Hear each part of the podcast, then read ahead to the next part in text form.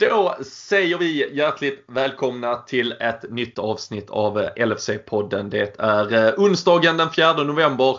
Det är eh, sannoliken eh, turbulenta eh, tider i världen. Säkert många av er som har valvakat, följt med intresse vad som händer där borta i Amerikat i presidentvalet. Och det kanske är på sin plats efter alla dessa timmar att då få lite lugn och ro, en brytpunkt med något så behagligt som ett avsnitt av LFC-podden.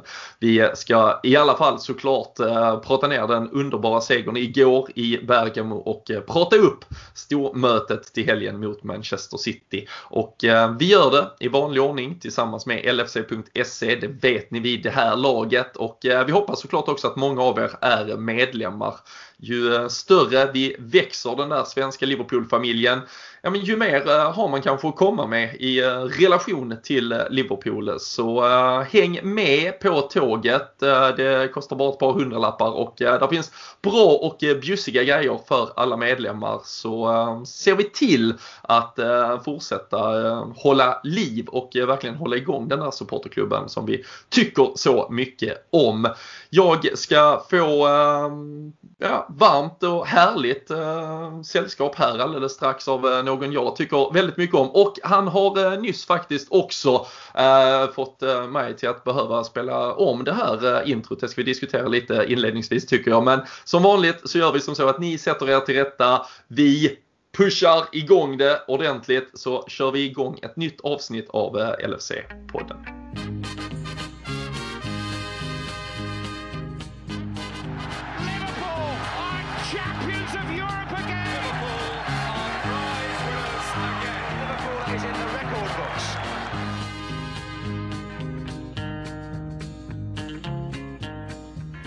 Jajamensan Daniel Forsell, du har lite att förklara för uh, ja, en bit in i förra introt uh, då uh, lät det som att hela huset ramlade samman i stort sett runt dig. ja, det stämmer. Sitter ju här i den berömda tvättstugan och Nej, men det som hände var ju att det finns en liten kattlucka här och så tänkte ju katten att nu, nu kommer jag in här. Han har ju varit med i något poddavsnitt tidigare när han jamade till lite för för länge sedan. Men den här gången tänkte han spicea till det lite. Så han hade hittat någon liten mus eller någonting här ute i skogen. Så det började pipa som fan här nere. Så äh, det blev en liten semijakt här nere. Man är ju, man är ju rätt snabb och rutinerad jägare. Ja. Så det där löste vi ganska snabbt och lätt. Men eh, nej, det hade nog varit eh, en av de bästa LFC-podden bloopers eh, som hade kunnat, alltså det är nästan så att man hade kunnat ta den på en sån här Hägerfors-video i, i poddsammanhang. Poddtabbar och poddmissar eller någonting. Så nej, det, men det gjorde cool. du med den äran. Ja, nej men absolut. Eh, I, I konkurrens. Jag var ju faktiskt på plats på, uh, minns du den där matchen? Uh, det var en måndagkväll, Tottenham hemma på Anfield när The Anfield Cat klev in. ja, absolut. Finns ju, det är väl vår Brad Free i mål då va. Det finns ju någon berömd bild. I dimman var det ju på Anfield om jag minns rätt med. Det är frågan om du såg något från, från läktarna där. Fan, ja, det fick var... att tänka på när man fick vara på match igen. Det var ju fint. Ja, ja, det var ju faktiskt på den tiden när, eh, när man inte liksom uh, höll på så att man var så gammal som man var då och inte hade liksom någon smarttelefon. Det hade man väl visserligen men det var ju, kostade väl flera miljoner att typ eh, starta surfen liksom. Så man hade ju inte så bra koll när man väl liksom drog upp till arenan, satte sig på puben, då var man ju i eh, ja, men någon fullständig silencio stampa egentligen kring eh, omvärlden och ens eh, relation till den. Så jag vet att jag fick ett sms av eh, Jocke Lundberg istället. Blir det match en timme innan? Ja, det antar jag väl. Jag sitter ju här och ska gå till arenan snart. Varför skulle det inte? Och sen han bara, ah, är du inne? Ja, kolla ut. Och då, eh, då förstod jag varför det ja. faktiskt kanske inte skulle bli match. För det var så jävla dimmigt. Men eh, det gav med sig. Eh, det var i och för sig något som kanske hade förtjänat att försvinna i dimman. Som det jag helt enkelt inte minns av den för det var otroligt eh, tråkig match när det väl var dags sen. Men eh, nej, eh, The Anfield Cat har nu också eh, sällskap av eh, poddkatten. Eh, det gillar vi såklart. Och nej men hur jättesnabbt får man väl ändå stanna vid de här dagarna, timmarna vi lever i just nu. Liverpool flyger som fotbollslag, det väntar stormöte men en värld som såklart är upptaget med annat. Hur, vad är status på Daniel Forsell en dag som denna? Nej men det är full, eh, full fart att hålla koll på nyhetsflödet minst sagt. Så ska man ju podda och jobba och lite sådana grejer däremellan också såklart. Så eh, nej, Twitter får ju gå varmt. Det funkar ju bra och jag menar nu med, med resultatet igår om man lägger till det. Annars hade man ju kanske sett framför sig, inte en avslagen match på något sätt, men en lite jämnare match som liksom bara hade spelats och på något sätt då eh, gått till historien lite mer i ett, eh, i ett gruppspel där ja, vi, vi har ju inlett så pass starkt att man kände att det inte hade gjort jättemycket om man tappar någon pinne heller eh, för det här upphåsade hipsterlaget nere i Italien. Men nej, med den matchen också så blev det ju så här ytterligare. Då ville man ju konsumera allt som fanns efteråt också med intervjuer och ja, Diogo Jota liksom med, med, allt vad han säger efter sitt hattrick och sådär. Så då blev det bara, det låg bara till ytterligare ved på elden liksom med, med all eh, ja, bevakning kring, mm. kring val och sånt som såklart det inte går. Och det, det, påverkar ju så pass mycket så det går ju inte riktigt att, att stänga av det. Eh, sen finns det ju massa andra grejer som, som dessutom händer samtidigt. Det är ingenting som eh, är redo att ta paus riktigt känns det som. Men så vet du att det väntar ett landslagsuppehåll efter helgen. Så då kan ja, du koppla av i två Ja, då kommer man ju inte vara så jäkla glad känns det som. Det är ju enda man får göra då är att sitta och snickra på sitt sorgliga FBL-bygge antar jag. Det är, eller ett wildcard kanske på gång efter det bygget. Efter den helgen om det är inte... tunga ord från... Ja, eh, beroende på vad som händer där till helgen. Men eh, det såg ju bra ut denna helgen. Men sen eh, var det ju några matcher till där på söndagen och måndagen. Och så, så var man till och med efter Jocke Lundberg i våran liga igen. Så det är ju... Vi, då behöver man nog dra ett wildcard.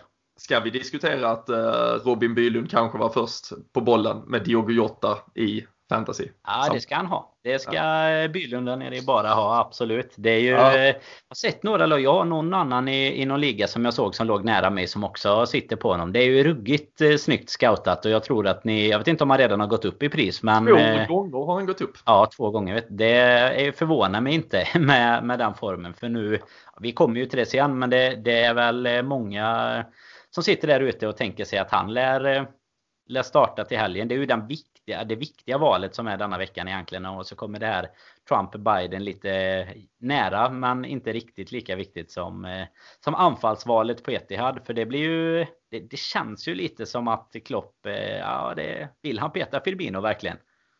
Det, det, är väl det vi ska resonera oss eh, fram till eh, lite längre fram. Men, eh, men som du säger i, i dessa tider, man kan inte gå händelser i förväg Danne. Det, det har vi lärt oss de här senaste 24 timmarna.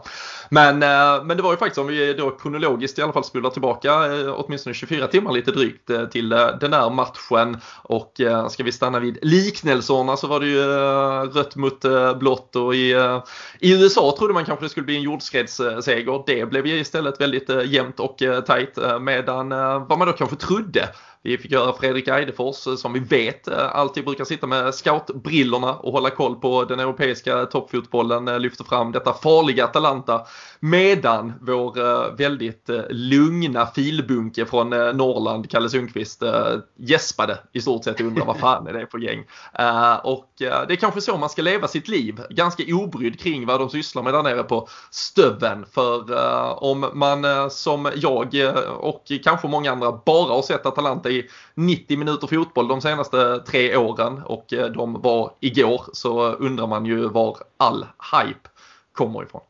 Ja men det gör man ju verkligen och sen eh, såklart så är de ju där de är, de spelar ju Champions League så uppenbarligen har de ju gjort någonting inhemskt. Men eh, nej, vi är väl inte toppkonsumenter av italiensk fotboll eller kanske så jättemycket annan fotboll än Premier League egentligen. När, I alla fall inte när det finns Premier League att välja på samtidigt. Och, och de krockar ju allt som oftast såklart. Eh, jag, jag vet inte, alltså det var ju mycket snack om att det var någon liksom eh, fronttrio mot fronttrio och sådär. Och det, nej, det var ju en eh, överkörning som vi inte har sett på väldigt länge och en av våra såklart absolut bästa matcher hittills under säsongen som väl kom i ett ypperligt läge eh, efter lite knackande spel får man ju säga. Men eh, nej, den, eh, den hypen vet jag inte vart man hittar men eh, jag såg att eh, Eidefors ändå försvarade sig lite på Twitter där med att eh, det, det, är klart att man kan inte bara basera det på denna matchen. Det är ju som att Fast kanske ha sett våran. Vi, vi gör det absolut för det är det enda vi har sett av Atalanta så vi har ju inte så mycket annat att välja på. Men... Kan ju också vara då Atalanta-fans som bara hade sett Liverpool mot Aston Villa. Precis och... vad jag tänkte komma till. Det finns ju den eh, parallellen vi ganska snabbt kan dra och då är det klart att då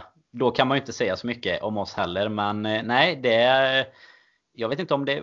Ja, hur, om de liksom var extremt eh, svaga just igår, om vi var extremt bra, om det var en kombination av de båda eller om, eh, om ligan, alltså för italienska ligan, de har ändå hängt på relativt bra de senaste åren och sådär. Så jag vet inte vad, vad grejen var. Vi får väl se nästa möte nästan om de eh, kan kamma sig lite. För det, det här var ju, alltså det, det fanns ju inte någonting som var i närheten av oss igår i alla fall.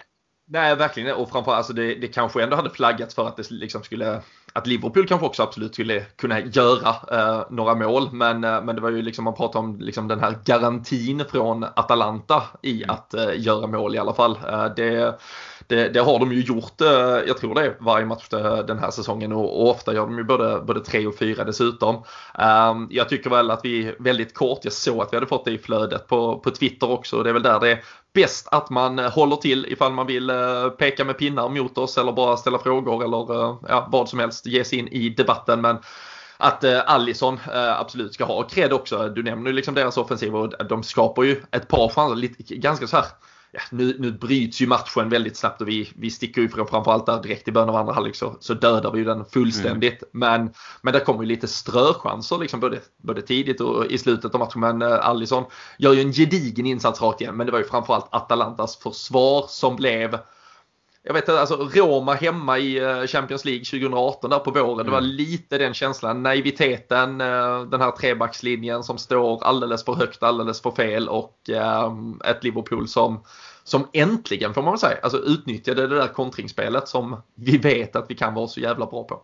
Ja precis och det är tillägg till din trebackslinje där. Så de stod fel, de eh, kanske var naiva och framförallt var de alldeles för långsamma sett till eh, våra anfallare såklart. Det var väl det som var, var det stora problemet för dem. För eh, det är klart att våran Alltså hela vårat spel och allt vad man ska säga. Det byggs ju så mycket på att vi, det vi har varit så bra på de senaste säsongerna. Det är ju just det kontringsspelet och det som, som du pratar om där. Och eh, jag menar nu, vi, vi, får ju inte chansen riktigt i ligan längre. Det är väl en sån sak som folk har börjat läsa lite med, med Klopps Liverpool. Att eh, man nästan låter oss vara spelförande för att det är på något sätt sämre för oss än att eh, kunna få utnyttja lite omställningar. Och man vet ju hur många snabba mål vi har satt igång från att vi haft, alltså det är standardhörna och Alisson sätter igång en djupleds på Sala eller någon och så, och så är det mål i andra änden. Så så där eh, vet jag inte antingen om, om Atalanta ändå tänkte sig att vi ska spela vårat spel som alltid brukar funka eller oftast funkar väldigt bra oavsett motstånd kanske. Eller om man eh, ja, men är lite, alltså i och med att man inte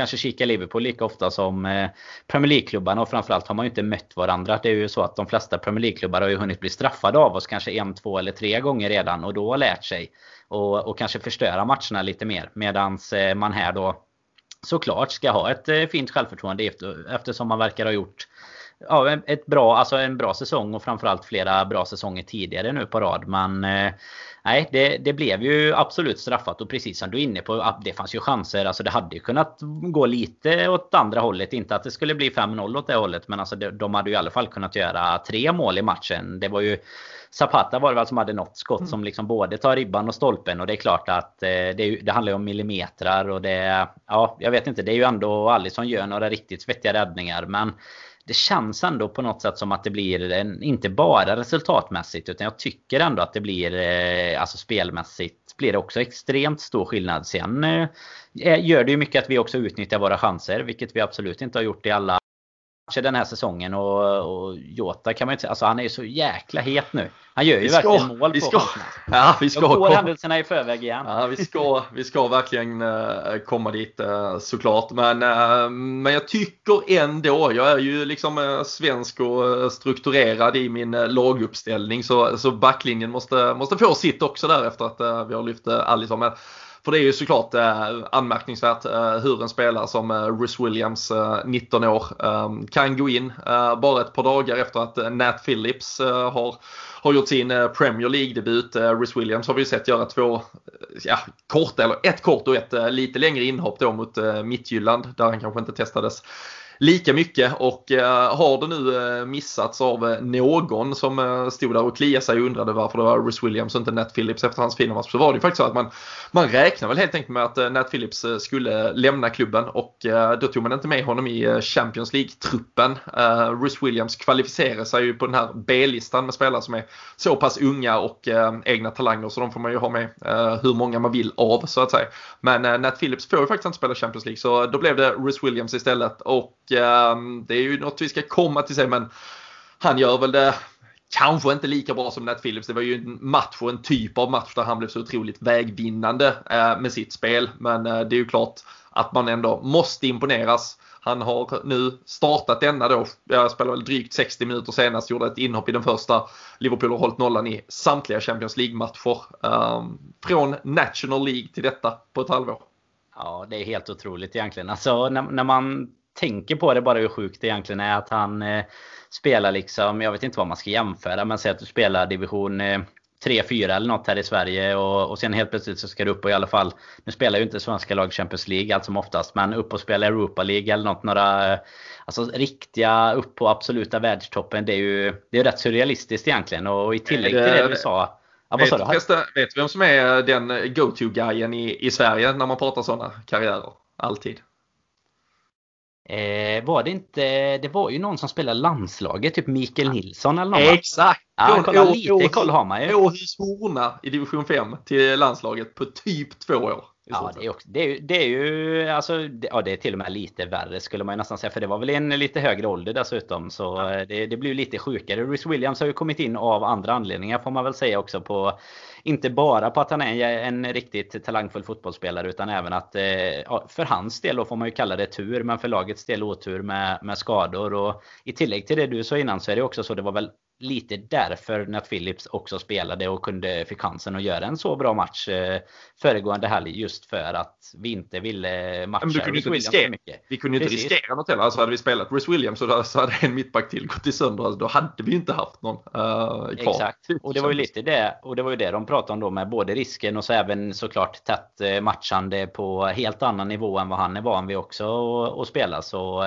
nej, det är väl det, det, är ju cred till eh, de två såklart och hela staben och allt runt omkring också. Att vi ändå, ändå lyckas få den utväxlingen efter eh, van Dijk där eh, när han gick sönder och vi har liksom fyra raka matcher som vi som vi ändå även om det ibland har krävts lite gnetande lyckas ta med oss samtliga poäng för eller ifrån då och det det ska de ju verkligen ha. Backlinjen gör ju det jättebra och Gomes som fortsätter att blanda och ge. Nu gör han ju en kanonmatch igen istället för eh, som man gjorde föregående lite bjudningar och sådär eh, i början där mot West Ham också. Mm. Så att eh, nej, de eh, verkligen eh, välförtjänta hyllningar återigen och så får, får vi hoppas att vi inte behöver sitta eh, med en sån här varannan vecka grej till med dem där man nästan har kunnat hylla dem varannan vecka och sen be behövt eh, dra tillbaks det lite senare. Men nej, det Sen vet jag inte, vad känner du? Alltså, det är så här, man vet inte om man vågar tycka att det är stabilt riktigt än ändå bara för att det Nej, bra ut lite. Det, det är ju inte van Dijk stabilt, det kan man ju aldrig säga. Men, men jag menar det blir ju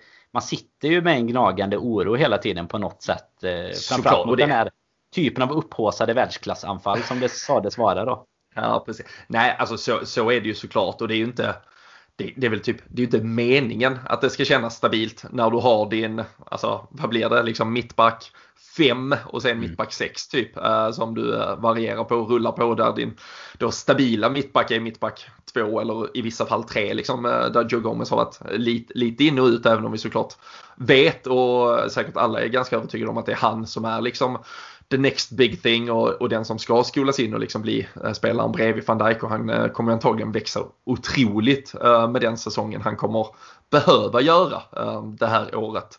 Men det, det är ju någon, någon blandning ändå där det kittlar så otroligt mycket med den här typen av unga spelare eh, som får chansen. Eh, det är ju anmärkningsvärt, alltså även Curtis Jones då, jag tror det var första gången sedan 2000, om det var 2004 eller 2007 eller som vi hade två liksom under eh, 20-åringen eh, startelva i, eh, i Champions League-match och, och, då var det liksom någon sån här ja, pissmatch som ingen brydde sig om. Det var typ Leap Healthy Year och, och någon, någon till. Eh, vi hoppas väl att det är lite ljusare framtid för, för killarna som var på planen igår men men det visar ju att vi, vi är ett Liverpool idag med liksom en sån otrolig alltså bredd. I fortfarande, vi har många spelare som har varit borta under säsongen på grund av skador. Alltså listan görs ju hur lång som helst när man börjar rada upp dem och inkludera alla mm. de här spelarna som har missat 3-4 matcher uh, hit och dit. Vi har haft uh, både sjukdomar och, och, skador. Vi har några som är långtidsskadade. Vi har några som man känner inte är ur form som nästan då måste petas. Det är ju något vi ska komma till sen. Men, men ändå, då, då fyller vi på med någon annan. Då är det någon annan som lyfts fram. Och både om du är liksom så att säga en breddspelare eller om du är en ung lovande spelare som ges chansen så, så, så blir det så jävla rätt så, så ofta. Um, man sitter ju och, och liksom har en, en viss uh, jargong och attityd till liksom att klaga på vissa delar av spelet i stunder, absolut. Men alltså helheten och den här säsongsinledningen alla parametrar inkluderade och framförallt alltså slå en blick på hur tabellerna ser ut ute i Europa mm. i övrigt så är det ju inget lag, kanske Bayern München typ undantaget eh, som alltid gör vad de ska på, på sina håll och kanter men, men som egentligen har, har börjat lika starkt som, som Liverpool och eh, hade man bara liksom fått eh, underlag från eh, sociala medier de senaste veckorna så, så hade det varit svårt att gissa på att det här var ett lag som låg etta i Premier League och hade 8-0 i målskillnad och 9 poäng på tre Champions League-matcher. Ja, det var väl våran eh, vän och, och poddkollega Anders Bengtsson tror jag som skrev det. Har ju varit med oss här några gånger. Han skrev att om varje livskris hade varit som Liverpools kris här så, så hade man varit en eh, mycket bättre människa. Eller haft ett mycket bättre liv helt enkelt. Det är ju ja. verkligen så du, som du säger. Alltså sociala medier har ju fått det att framstå som att som att det är någon, någon typ av kris som pågår och det kan man ju såklart argumentera för sett till vilka som har varit borta. Men då tar man inte resultaten i, alltså tar man inte hänsyn till den biten utan bara att inte van Dijk, Thiago, Fabinho. Ja, listan kan göras längre som du var inne på att de inte har kunnat spela. Och, eh, men jag menar så länge vi tar med oss tre poängarna både West Ham och, och Sheffield var väl alltså, ja, såklart lite mer eh, tungrot. Men så är det ju. Alltså tittar man på förra säsongen när vi vinner. Då är det ju mycket 2-1 segrar med. Det är lite gnetande borta mot Aston Villa och sådär. Och, Satt alltså, ju för fan rekord i 2-1 seger. Vad blev det till slut? Precis. 13 det stycken eller något sånt. Liksom. Ja, ja men precis. Det, det var ju många i alla fall. Och, och det är ju det som är hela grejen med en... Alltså skillnaden på det lag som Liverpool har blivit. De två, tre, fyra senaste, eller tre senaste säsongerna får vi ju sträcka oss som längst till. Alltså det är ju det här Alltså på toppen, något typ av mästarlag som man gnetar med sig de här segrarna trots att Ja, fasen verkligen allt eh, är emot en ibland. Jag menar det är ju i ligan är det ju VAR-situationer i varje match som man tycker skulle kunna vara lite 50-50 som nästan alltid går emot oss. Så eh, nej, det är det är verkligen eh, mästartakter. Det är ju, man drar alltid den parallellen. Men det är ju liksom det är Ferguson United som, som vinner. Nu framförallt igår så ska vi inte prata om att gneta till oss någon, någon seger. Men alltså om man tar överlag nu den här säsongen med våra skadade spelare och så. Så allt kommer in reserver och, och gör bra matcher ändå. Det var ju det signumet som eh, väldigt många stora lag har haft. Barcelona när de varit som bäst. Bayern som du säger, de har ju aldrig några problem. De är så pass överlägsna. Men väldigt många lag som eh, som har varit framgångsrika över tid har ju spelare som inte alltid är de mest namnkunniga. Nu behöver det inte vara just Nat Phillips som kommer in och gör det bra. Men alltså att Shedan Shakiri och den typen av spelare kan komma in och verkligen leverera när det behövs och förväntas ifrån dem och att de kan göra en skillnad i matchen. Att det inte bara är en gubbe som kommer in och löper lite i 30 minuter bara för att man ska få in lite friska ben. Utan att det faktiskt finns någon liten USP hos varje spelare som, eh, som man också kan utnyttja. Det, det är ju det som jag tycker att eh, Klopp och hela, hela staben har byggt något mäktigt kring. Att vi faktiskt har... Eh, alltså det, och du har att de kan just, spela i det systemet också. Alltså Williams exakt. och Phillips de kan komma in och spela i i Liverpool. Alltså de kan komma in och spela samma spel. Alltså såklart inte exakt samma men du förstår vad jag menar. Taktiskt, formationsmässigt så, så kan de spela samma spel som de andra backarna helt enkelt. Ja, men det, var, det var exakt det jag skulle flika in med sen. Alltså just hur vi har byggt system och så länge det är kanske 7, 8 elftedelar av det som många kanske då anser vara någon form av liksom ordinarie startelva. Då ser man hur, hur lätt övriga spelare kommer, kommer in mm. i laget. Um, ofta så har man ju en sån typ av spelare som Nat Phillips. Relationen till honom är ju ofta liksom tre stycken Carabao Cup-matcher där han har fått mm. spela med ja, men Neco Williams bredvid sig på ena och så liksom uh, två, två U18-kids uh, eh, som vi aldrig kommer uh, lära oss namnet på ändå. lite längre fram i banan kanske. Och det, det blir ju alltid så jäkla, alltså det är det jag tycker har varit ganska häftigt med en sån som Rhys Williams. Vi pratade om det tidigt på säsongen att även i Carabao Cup-matchen då hade vi så, vi hade så stor trupp då så alltså även de vi fast att vi spelade nästan bara ett, ett B-lag så var det ganska namnstarkt då också. Mm. Och då, man såg ju inte riktigt att Bruce Williams var någon, någon junis eh, på det sättet. För det, det var en så trygg, liksom, när, eller trygg omgivning uh, han, uh, han fick spela i och, um, och jag tycker liksom det, det såg man med Nat Phillips uh, i helgen, man ser det med Rhys Williams och, Curtis Jones igår. Um, Curtis Jones tycker jag kanske har haft det lite tufft i, i vissa av de första matcherna där han har fått spela lite mer. Um, tyckte ju att hela mittfältet i alla fall liksom som, som helhet fungerade lite bättre igår i alla fall och jag tycker liksom vad vi än gör och därför tycker jag att jag tror i alla fall att folk kanske lägger för mycket tid och kraft på att diskutera vem exakt som måste starta i varje given match och så vidare. För liksom, det kommer nog inte göra så mycket om det är liksom mm. spelare X eller Y utan så länge de flesta är där och så ungefär ser det ut som vanligt och så, så måste vi nog helt enkelt också bara acceptera det här att det kommer handla så otroligt mycket om att liksom spara energi och hitta rätt balans och ibland kan man ju då liksom kanske jämföra två spelare och tycka att det var ett märkligt val men liksom för, för lagets helhet så, så kommer det nog ofta inte göra så otroligt mycket.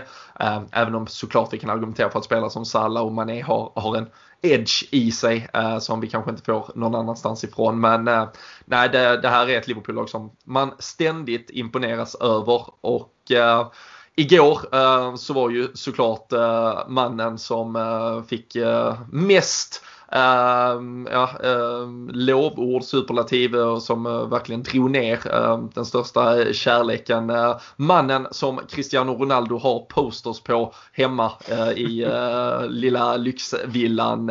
Portugals bästa spelare genom alla tider, Diogo Jota ehm, tre kassar och det känns ju som att han knappt behöver ta ut sig i alla fall alltså i de två första. Det, nästan som att han spelar liksom mot så här, eh, ett år yngre när man var eh, P7 eller något. Ja men det är ju lite, det är lite så Fifa-mål. Alltså det första han håller undan eh, backen samtidigt som han bara drar en liten enkel chip. Och sen det andra när han gör den här ganska långa flytten som eventuellt skulle kunna försvarats bättre emot såklart. Men liksom lång flytt över till sin högerfot och bara dra in den i första hörnet. Det, det är lite, lite som en själv på Fifa när man var dominant på det för tio år sedan eller någonting. Så, jag, trodde, jag, trodde, jag var rädd att du skulle säga på fotbollsplanen. Och där stod jag redo med så här facts check som det har varit när nu pratar eh, ja. presidentval också. Nej, den hade man, eh, det hade blivit fake news stämpel ja. på den.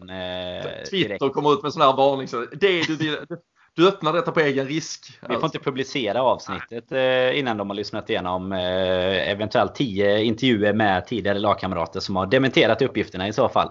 Nej ja. men han, han gör ju en eh, helt fantastisk match såklart och ställer ju, ställer ju såklart frågor till de andra där fram. Du nämnde precis nyss det här med vilka som är givna och inte och så. Jag, alltså en, det som är så jäkla häftigt med Jota nu när han har kommit igång så här fint är ju att nu såklart blir första initiala tanken att att han efter gårdagens match tar en plats från Bobby Firmino som inte har eh, varit i riktigt samma form såklart. Men eh, han ställer ju även frågor till de andra om, om Firmino behövs i i ett spel som Klopp tycker mot till exempel City så eh, kanske inte Mané eller Salah petas i första hand. Men det är fortfarande en som knackar på dörren på positionerna där fram. Och läste någon lite rolig tweet att eh, han, jag kommer inte ihåg vem det var som skrev det. Men han, det var i alla fall så här typ att eh, Salah och Mané har blivit så rädda nu när Jota har kommit igång. Att de till och med börjat passa varandra igår då. Så det, det är liksom lite den eh, nivån på det. Att han, det är inte bara positionen i mitten som han fick eh, starten på nu igår. Och som han eh, som han eh, knackar på dörren för. Utan det är ju alla de tre där fram. Och Alltså underbart att se i och med att händer det någonting, det är tätt eh, schema, mycket matchande som vi sa, man kanske behöver rotera lite. Ja men då vet man att han kan ta någon av de positionerna, kan utgå både från höger och vänster och mitten. Så eh, nej, med den med den formen han är i. Vi ska ju inte bara säga matchen igår. För han är ju, det är ju de tio senaste dagarna nu när han öste in sex mål. Liksom. Det är fan gjort alla de målen. Eh, det var Salah hade ju ett straffmål. Annars har han gjort alla våra mål nu. De sex senaste om man tar bort eh, fasta då. Så eh, mm. nej, det jag vet inte vad ja, man finns... ska säga. Det är bara att skicka swisha, swisha Wolves eh, lite pengar till kanske.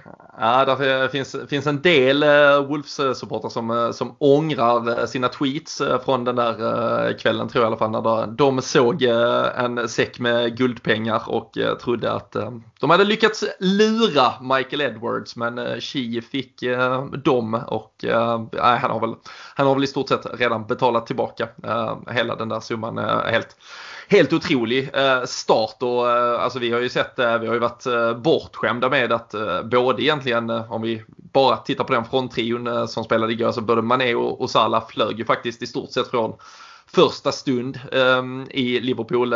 Van Dijk var ju såklart ett uh, jävla statement. Han uh, nickade in uh, hörnan mot Everton i sin första match och, och, var ju liksom en garant i vårt mittförsvar från första sekunden. Men, men det är ju det är ju up there med uh, liksom uh, debutperioder uh, de senaste 10-20, kanske rent av liksom historiskt med de mm. siffrorna han presterar.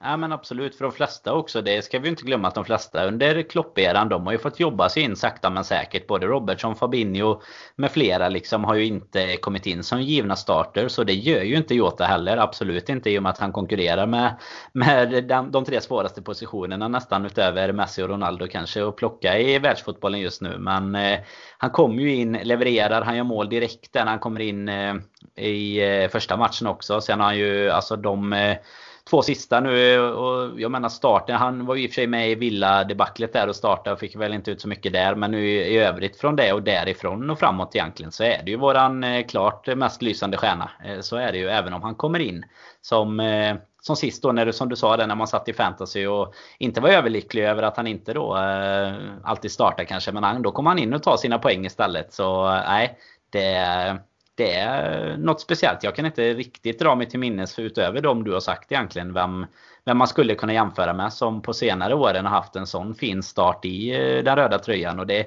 det är ju extra häftigt på något sätt att han gör det utan att vara den här givna startspelaren mm. tycker jag. Eh, som han nu, nu då får kämpa för att, ja, eller de andra rättare sagt får kämpa för att, att peta honom. Jag vet inte riktigt om det är hans plats att tappa än eller hur eh, Klopp kommer resonera. Men det, det blir ju jäkligt spännande till söndag i alla fall. Ja, det är väl kanske Joe Cole som tog det där eh, röda kortet i eh, debuten vid hörnflaggan eh, mot Arsenal. Som, Efter att du hade handlat in tröjan så kunde ja. han inte göra annat. Så, då, så lägg inga beställningar Fan. på Jota-tröjan än Robin i alla fall. Då blir det väl ja, det utvisning på söndag.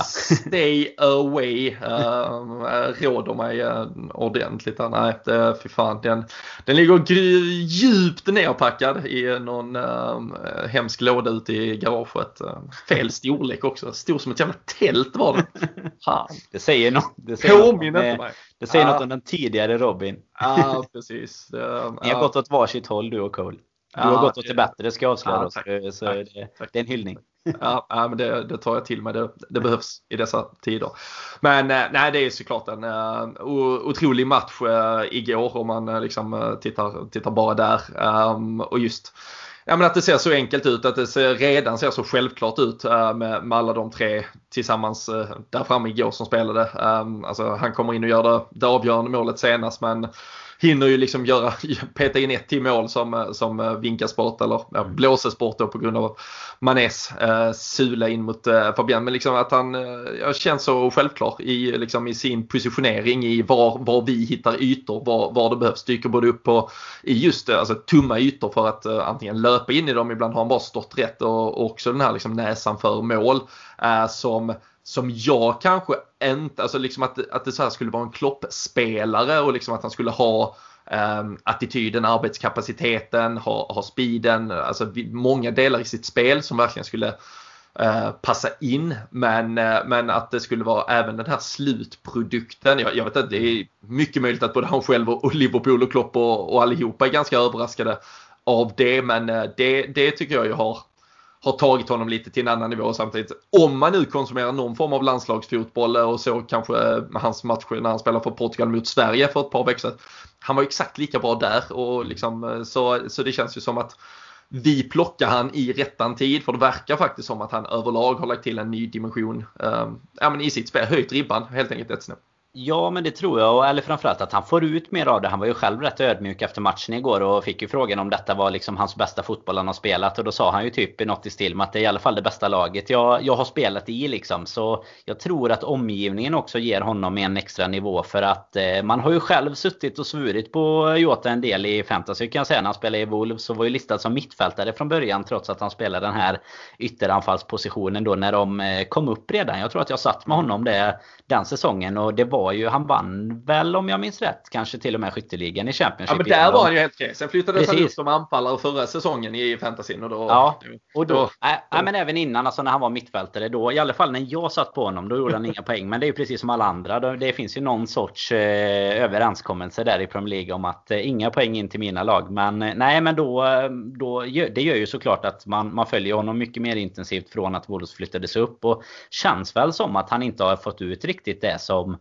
som de hade hoppats. Så de tyckte väl såklart att äh, det här är ju en jäkla fin affär samtidigt som äh, de har ersatt med lite andra och, och sådär tyckte att okej okay, vi kanske inte har, har, fått ut precis det sista av honom de senaste åren. Men det är ju fortfarande en relativt ung spelare alltså som, som har många år äh, kvar och absolut kanske inte behöver ha nått någon peak på något sätt. Utan det känns ju som att omgivningen i Liverpool kommer ju kunna gynna honom. Och han spelar ju som du är inne på det med, med att han både ja, han, är, han är med på det första målet som blir bortdömt i helgen då och sen gör det andra och han spelar ju så direkt. Det är ju likadant igår. Det är ju verkligen det som passar in så bra i Klopps fotboll. Det är liksom det här raka spelet. Bara alltså, näsa för mål och gå rakt på mål. Det är ju precis det som Mané och Salah också alltid gör liksom. Så Nej, det är ju det är svårt och hade också svårt att se kan jag säga när vi värvade honom att det skulle... Det finns ju ingen nästan som hade kunnat drömma om den här starten tror jag inte. För eh, det, man såg väl det mer som en komplementspelare skulle jag säga. Alltså en, ett litet snap upp från typ Shakiri och sådana. Alltså den som kommer in sista 30 och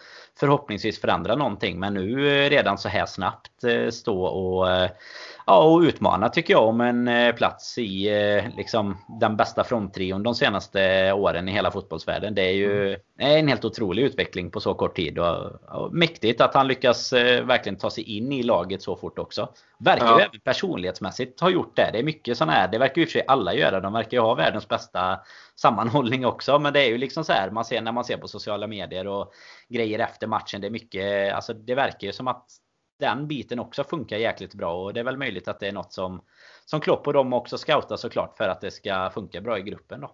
Mm. Nej, vi kan väl konstatera, han har ju, nu har ju Wolves eh, har ju spelat i jävla massa så här Europa League-matcher och skit eh, förra säsongen till exempel. Så de spelar ju jävla massa matcher. Men eh, räknar man snittat drygt eh, 40 matcher de senaste 2-3 säsongerna. Eh, typ 12 mål, kanske 12-13 i, i snitt och nu, nu 7 mål då på, på 10 matcher. Ehm, så äh, det är ju klart det är superimponerande och äh, fantastiskt roligt och det är bara för oss att, att tacka och ta emot att vi, att vi har fått in honom och att vi har fått att flyga från start. Men uh, den eh, enes bröd är den andres eh, död heter det ju och eh, det var väl exakt det jag däremot eh, flaggade för här för en eh, 10-15 minuter sedan att jag inte eh, tycker att vi Liverpool-fans ska liksom ägna eh, egentligen för mycket tid och tanke åt. det här kommer vara en säsong där alla kommer behövas. Så, så att prata om liksom att nu har han tagit platsen och lite som du nämner, alltså, jag förstår exakt eh, vart eh, du, du är när du säger det, liksom att eh, om det är hans plats nu att, att tappa och så vidare. Alltså, jag, jag tycker bara vi ska se den extrema fördelen i att vi har många alternativ och att eh, ibland kommer det ena passa bättre än det andra. Uh, men uh, jag la ut i uh, morse tror jag det var, för jag kan säga att jag har varit vaken i 37 timmar och uh, har en dygnsrytm som inte är helt, uh, helt synkroniserad just nu. Men uh, slängde ut en fråga på just vårt Twitterkonto där vi som sagt håller igång diskussionerna kring just hur eh, vi eh, fans eller då folket där hemma tycker att vi ska resonera med Jota versus eh, Roberto Firmino eh, till helgen. Det är ju Manchester City som väntar och påverka, såklart påverkat. Det brukar, när det väl rinner på med, med positivitet och, och, framgång då eh, är det ju eh, kanske inte helt rätt läge att göra opinionsmätningar. Eh, det känns som något de amerikanska systemen kan ta efter. Men 64% tycker att Diogo Jota ska starta till helgen. Bara 16% tycker att Roberto Firmino ska starta. Eh, 20% tycker att båda. Då eh, är det väl en 4-2-3-1 eh, jag tänker och tror att folk syftar på. Det är ju knappast någon av de andra som ska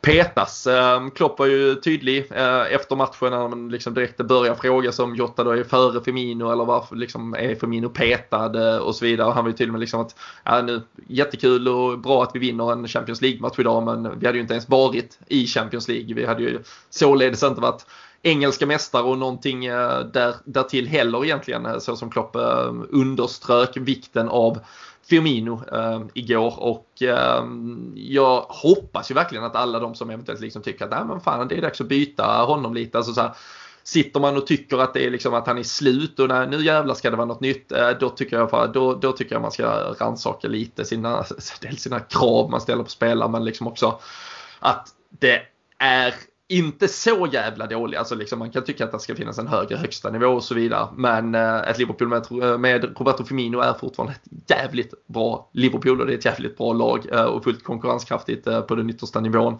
Men det är klart att det är ett delikat problem, delikat huvudbry för Klopp inför helgen i alla fall. Jo men så är det ju. Det är ju som, som du säger, det är ju jättebra framförallt den här eh, säsongen som sagt när det kommer vara fler och tätare matcher att man har spelare att rotera på, spelare att välja bland och den lyxen som vi kanske inte alltid haft under våra supporterliv är ju just det att kunna anpassa sig efter olika motstånd och spela olika spelare beroende på vad man tänker sig att eh, hur matchbilden kommer bli då. Och det är väl just den biten som jag är lite osäker på inför söndag. Så hade du frågat mig inför i stort sett vilken annan match som helst än eh, Manchester City så hade jag nog sagt att eh, det blir Jota som startar. Men just för att det är Alltså våran absolut största konkurrent antagligen om titeln. Det är liksom City som vi har tampats med de senaste åren och sådär. Så, så vet jag inte om Klopp eh, hellre kommer spela på det beprövade. För att eh, du är inne på det med. Jag är ju själv har ju ett, eh, ja, som så många andra såklart, ett svagt öga för Firmino och gillar ju honom mycket. Och det är klart att hans upp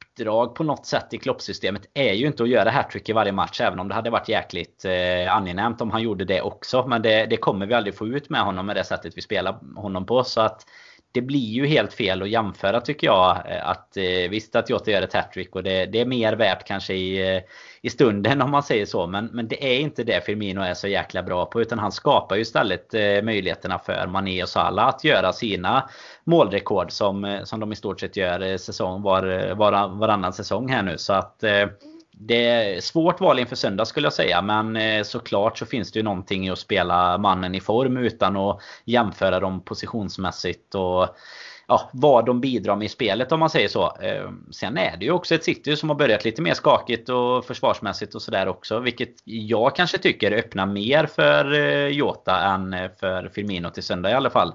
Jag vet inte mm. om du håller med mig där men just det här ja, att du har det argumentet som jag har där i alla fall, det är ju det här att spelar du annars där sitter ju där eh, alltså ja, Klopp och, och eh, Pep som spelar schack mot varandra. Liksom. Då hade jag nästan hellre sett en Bobby Firmino. Men med den starten som de har haft och, och med Jotas eh, eld under skorna så, eh, så ska jag dra en av dem så hade jag sagt Jota idag i alla fall. Mm.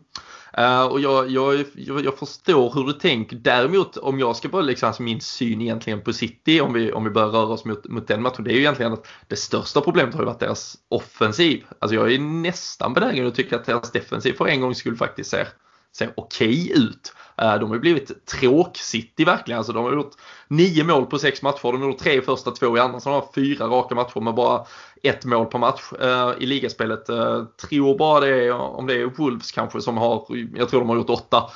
Men annars liksom de enda lagen som inte har kommit upp på tvåsiffrigt i gjorda mål på lag liksom topp 10 i ligan i stort sett. Det har ju varit sådana här jävla eh, men, handbollsmatcher i stort sett eh, resultatmässigt eh, vissa gånger. Vi har ju varit inblandade i vår beskärda del både mot Leeds och Aston Villa och vi har sett väldigt många andra typer av matcher. City har ju inte har ju inte varit eh, inblandade i något sånt. Alltså, och de känns ju egentligen mest kompatibla med det. Liksom bara all out attack och, och köra på. Men eh, kanske fått lite, lite ordning. Så jag är lite rädd och rädd. Men jag, jag tror ju, alltså framförallt så tror jag att Pep är jävligt rädd för att förlora matchen på söndag. Um, nu har ju City haft eh, ganska bra streak mot oss på, på hemmaplan. Vi, vi vet ju att vi var otroligt bakfulla eh, när vi möttes i somras och då, då vann de ju en helt betydelselös match eh, med 4-0 till slut. Men um, skulle Liverpool, liksom, alltså, trots att det är ganska tajt vad gäller liksom, poängen, det är en tabell som egentligen inte alls har satt sig och gett några svar alls kanske. Om man ska vara helt ärlig, men det är ändå ett Liverpool på ett par poäng eh, uh, före City. Sen har de en match uh, till godo också, men den ska också spelas, den ska också vinnas. och då har vi sett den här säsongen att det är verkligen inte alla matcher man tror man ska vinna som man kommer att, att vinna. Så skulle Liverpool vinna på söndag också, um, och då blir det väl typ 8 poängs försprång uh, till City även om du har en match till godo, då, då tror jag att Pep börjar bli riktigt jävla nervös. Så, så jag tror väl att liksom det kommer att vara ett ganska kontrollerat City, ganska försiktigt City eh, som vill eh, ha koll på detta. Jag är lite rädd att, eh, alltså du pratar eh, schackmatch, att det, nej, att det kan bli något sånt där, där faktiskt båda lagen är ganska nöjda med, med ett kryss kanske. Eh, men i den miljön så vet jag inte heller riktigt om det är Roberto Firmino eller Diogo Jota som är bäst. Men det jag tror det är att det kommer vara Roberto Firmino från start och att Diogo Jota kommer få vara supersub en gång till. Om det är rätt eller fel, jag vet inte. Jag har liksom nog inte känt efter vad jag liksom så tycker, vad jag vill. Uh, jag är så jävla nöjd med oavsett vem, vem som kommer spela antagligen. Uh, men uh, det är ju uppenbarligen en klar majoritet där ute i stugorna som vill se Diogo Jota. Men frågan är om Klopp lyssnar till oss pöbel eller om han vet bäst själv som han ändå brukar göra till slut. Ja, det brukar väl. Det har vi väl fått sett prov på så att säga. Att han eh, brukar veta bäst. Sen, eh, sen är det som du säger, det är ju City som eh, de har ju precis som oss kommit igång bra i Champions League i alla fall. Jag menar vi har ju tre segrar var och det tror jag ju om man ska lägga till något till Champions League-diskussionen om man säger så innan man lämnar den helt. Det är ju eh, den här säsongen om någon kommer det ju vara viktigt att kanske försöka säkra alltså avancemang så tidigt som möjligt och kunna skicka reserverna i stort sett i en eller två matcher bara för att, och kunna vila sina toppspelare. Nu har ju vi lite oflytt här såklart med skadorna. Van Dijk eh, är ju hela säsongen så det är ju kan man ju i stort sett stryka. Men Fabinho här som ändå verkar vara tillbaka till efter det här landslagsuppehållet sen och, och lite sådär sådana spelare som man gärna hade sett på plan såklart mot ett, eh, mot ett City. Men eh, Nej, jag, det, jag tror att du är inne på rätt spår vad gäller eh, Pep där. Jag menar det, han vill nog inte att, gärna att det ska bli 8 poängs eh, marginal här redan. De har ju haft det lite trögt. De, eh, vann ju. alltså, de, de kunde väl gjort mer såklart mot Sheffield United i senaste ligamatchen. Men det var ju ändå eh, ja, 1-0, lite gnet. Kyle Walker på något halvbra långskott ändå då, som avgör matchen till slut. Det, det vill sig ju inte riktigt för den där offensiven. Sterling vet ju vi sen gammalt också. Han, han liknar kanske lite mer den där spelaren han faktiskt var i Liverpool nu tycker jag. När han blandar och ger. Alltså han kan se skitbra ut men sen i avgörande läget så, så kladdar han lite mycket på bollen och sådär. Och de har ju också problem med lite skador. Jag vet faktiskt inte om Jesus kommer vara tillbaka nu till, eh, till den här matchen. Hoppade väl det var. Ja, han gjorde det kanske. Då, då känns det väl som att det lär vara, var på gång. Men eh, Agüero som fick bakslag och sådär på sin, eh, sin skada. Så att eh, nej, det spännande att se. Det, det, känns ju inte som, vi pratade om det mycket i början av säsongen när vi hade gjort lite värvningar. Det känns ju som att vi har liksom gått om dem lite tycker jag i, i den här bänken ja. och truppbredden liksom. Man, eh, ja, nu, man är inte riktigt lika skraj för det där laget längre utan nu finns det ju några toppar. Alltså det är De Bruyne, det, ja, det är där. de spelarna liksom. Men nu är ja, det, det inte den maskinen vill... längre. Nej, det är ju därför jag nästan, alltså det, det, det låter men just nästan för att Diogo Jota just nu är så jävla bra så, så känner jag att det finns något som jävligt, som, något, något, som jag hade lyfts av nästan att, att, ha honom på bänken. För det känns som att City har alltid varit det laget som har haft Leroy Sané och slänga in i 67 mot oss när de har stått och vägt och liksom bara så här, jaha, då kom han också. Um, och att liksom vi någonstans hade fått för det laget som slänger in en, en spelare med, med den formen eh, som Jota har. Um, i, ett, I ett läge där, alltså de City spelar i stort sett ett ordinarie lag nu i veckan. Jag var förvånad över det. Liksom. De hade Olympiakos hemma. Jag trodde nog de skulle gå lite mer försiktigt där. Men eh, som du också är inne på, man kanske vill avverka sin Champions League-grupp så snabbt som möjligt så man kan vila kanske i de två sista gruppspelsmatcherna helt och hållet eh, istället och ändå veta att man har säkrat sin plats. Men äh, jag, jag, tror att Klopp kommer att välja Firmino. Äh, det är också en perfekt match för han att liksom visa alla som eventuellt har äh, tvivlat på, på hans styrkor, vilka de styrkorna faktiskt är och de brukar komma väl till pass mot, mot äh, just, just City i sig kanske, men, men också liksom mot, mot den typen av lag i den här typen av matcher. Um, sen ska du, du ska få gnugga din spåkula snart också. Men uh, mittförsvaret ska ju trots allt ha en lösning också som antingen då stavas Nat Phillips, uh, Rhys Williams eller eventuellt en Joel Matip. Tillbaka från skada, var på bänken igår men uh, vi vet att uh, han måste uh, helst placeras i någon sån här uh, värderad isoleringscell för att det inte ska hända något nytt och vi vet kanske inte exakt status heller. Um, om vi ändå ponerar att han är redo, um, är det rakt in då eller uh, har någon av de andra förtjänat chansen? Ja, alltså både och egentligen. Jag tycker väl eh, om han är matchfit och redo att han ska spela. Alltså ha rutinen i, i Matip och Gomes istället. Eh, skulle jag föredra just för hjärtats skull kanske framförallt. Eh, på söndag. Men eh, samtidigt så tycker jag att båda har förtjänat chansen. Men eh, samtidigt vet jag inte om man ska resonera så i en match mot City. Eller om man eh, kanske ska gå på det lite mer stabila valet. Om nu Matip, eh, som du säger, förvaras eh, extremt varsamt under veckan här. För vi vet ju att han kommer vara borta sex veckor om han spelar. Så vi får ju liksom välja våra tillfällen här nu. Så innan han går i sönder igen. Men Nej, jag, jag hade föredragit Matip Gomes. Vad, hur tänker du? Uh, nej, men jag, jag, tror ju också att det har varit liksom eh, tanken hela tiden. Alltså, om Matip uppenbarligen var med i, i truppen uh, igår men inte uh, spelar så är det ju såklart att han verkligen närmar sig. Eh, och ehm, då, då är det klart, eh, at the end of the day liksom, så, så finns det ju en högre eh, nivå såklart. Och den, då tror jag att han får chansen. Men, men återigen, jag borde nog liksom varit mer nervös inför eventuellt vad de, vad de väljer. Men jag känner mig ganska trygg i eh, vilka beslut eh, Klopp än tar. Ehm, vi får väl också se om eh, mittfältet omformeras. Curtis Jones lär väl kanske stiga åt sidan. Naby Keita var ju med i truppen nu senast här och vi vet att Thiago så sakteliga närmar sig ehm, spel igen också. Ehm, har man lite, har vi lite tur där så har man kanske haft den där äggklockan inställd på att den ska ringa i lagom tid till söndag eftermiddag vad gäller eh, Thiago och att det är mm. då han ska vara redo. Men eh, vi får se. Det kommer vara väldigt eh, spännande att följa laguttagning och såklart vad det blir för typ av match och vad vi får med oss för resultat innan vi då stänger igen ännu en sån här litet sjok av klubbfotbollen och går in i ett internationellt break igen. Men hur går vi ur det här eh, sjoket med matcher då? Blir det en eh, seger, 8 poängs eh, ledning eller eh, slås vi ner lite på jorden efter 5-0 igår? Ja, den är, det är en svårtippad match alltså men jag, jag tror nog att eh, det, det tråkiga som du pratade om innan att båda lagen kanske är relativt nöjda med ett kryss. Jag tror att vi vi kan få se lite den typen av matchbild också. Jag tror inte att det blir någon så här all out attack från båda hållen. Utan eh, jag, alltså eh, vi hade kunnat eh, låta oss gå ut med ett resultat och då säger jag 1-0 i så fall eller 0-1 som det ju blir. Men någonstans kanske hjärnan också till och med säger att det blir en 0-0 match trots att det brukar historiskt sett vara två mål, målrika lag såklart. Men mm. nej, jag, jag tar 0-1 i alla fall och blockar den för dig då.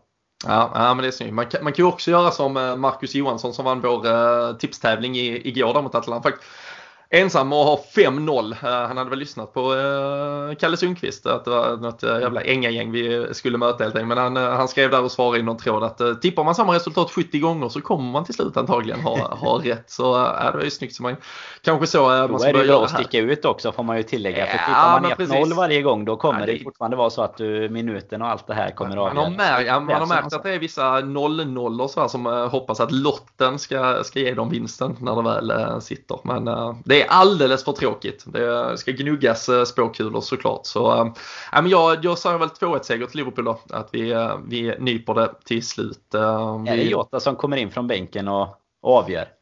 Ja, det får gärna vara på pass från Andy Robertson i så fall också så vi kan börja få lite poäng i, i fantasy-ligan kanske. Men nej, det, det hade väl inte varit helt fel. Sala 1-0, eh, någon trött eh, kvittering från De Bruyne, straff säkert och sen eh, Jota 2-1 i 87. Ja. Tag. Jag, jag tar det också faktiskt. Jag tror ändå att du är inne på något spår där med, med kanske vad Klopp också kommer vilja kunna göra faktiskt. Och ha en, en Jota, en frisk. Alltså man vet ju att det kommer bli ramaskri om inte han står på startuppställningen som kommer en timme innan där på söndag. Men jag tror att det i så fall, skulle han inte starta så finns säkert den tanken att eh, komma in mot eh, alltså 30 minuter mot ett lite trött försvar. Det hade han fasen inte mått dåligt av heller, portugisen. Nej, nej, i, denna, I denna podd med så mycket landslagsmässiga inslag redan så tror jag det det var väl Erik Hamrén som myntade uttrycket slutelvan. Det är lika viktigt eh, vilka som slutar på plan som startar på plan. Så vi får väl se vilka beslut eh, eh Diogo Jota tar höll jag på att säga. Nej, det är Klopp som tar besluten eh, men vi får se var Diogo Jota hamnar. Eh, superhärlig seger för Liverpool igår. Eh, nio poäng i Champions League-gruppen. Vi är väl mer eller mindre klara och på söndag väntar Manchester City som sagt Eh, LFC-podden rullar vidare. Vi kommer ju såklart eh, tillbaka där efter City-matchen och eh, sen så får vi väl hålla oss varma på något sätt medan det är landslagsuppehåll och vi kommer tillbaka därefter också. Men ni som gillar LFC-podden, ni får jättegärna också smita in på Dobb-TV faktiskt. Jag tror många av er känner till det, produktionsbolaget som gör bland annat Eurotalk, Fantasy-TV och massa andra härliga produktioner. De har nu plockat ut just Liverpool som eh, det första så här eh, klubbspecifika ehm, där man väljer att göra ett eh, magasin, ett avsnitt varannan vecka om då det här laget. Vi går under namnet Studio Sandon. Jag kommer att vara med där allt som oftast i alla fall och så kommer vi bjuda in gäster. Det kommer säkert vara bekanta röster och därmed förhoppningsvis då ansikten från LFC-podden vad det gäller framöver också. Men ehm, annars har jag lite gäster där. Vi pratar Liverpool och där finns ett avsnitt ute just nu, ett pilotavsnitt som vi spelade in i igår innan Atalanta-matchen och eh, där mycket fokus också är just inför City-matchen. Så vill man ha mer om eh, City och eh, förutsättningarna inför det så kan man gå in på dobb.tv, öppna Studio Sandon som avsnittet eller programmet heter och så kan man titta på det helt gratis nu. Sen kommer det finnas ett abonnemang man kan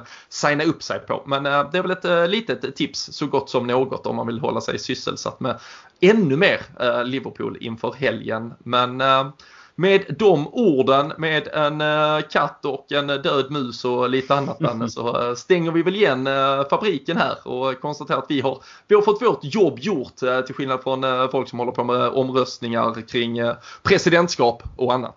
Ja, det är lite mer effektivitet här i poddfabriken. Det är, nu ska jag faktiskt in på Dobb-TV här alldeles strax också. Så nu får du nästan stänga ner det här avsnittet så att man hinner ja. in och kika på det istället. Man, ja, jag nöjer mig inte med rösten ja. Nej, det är rätt. Jag, jag sköter detta. Du njuter av det. Eh, gör ni det där hemma också så hörs vi och ses vi snart igen. Eh, ta hand om er, håll avstånd, tvätta händer. Eh, tack för att ni lyssnar på LFC-podden.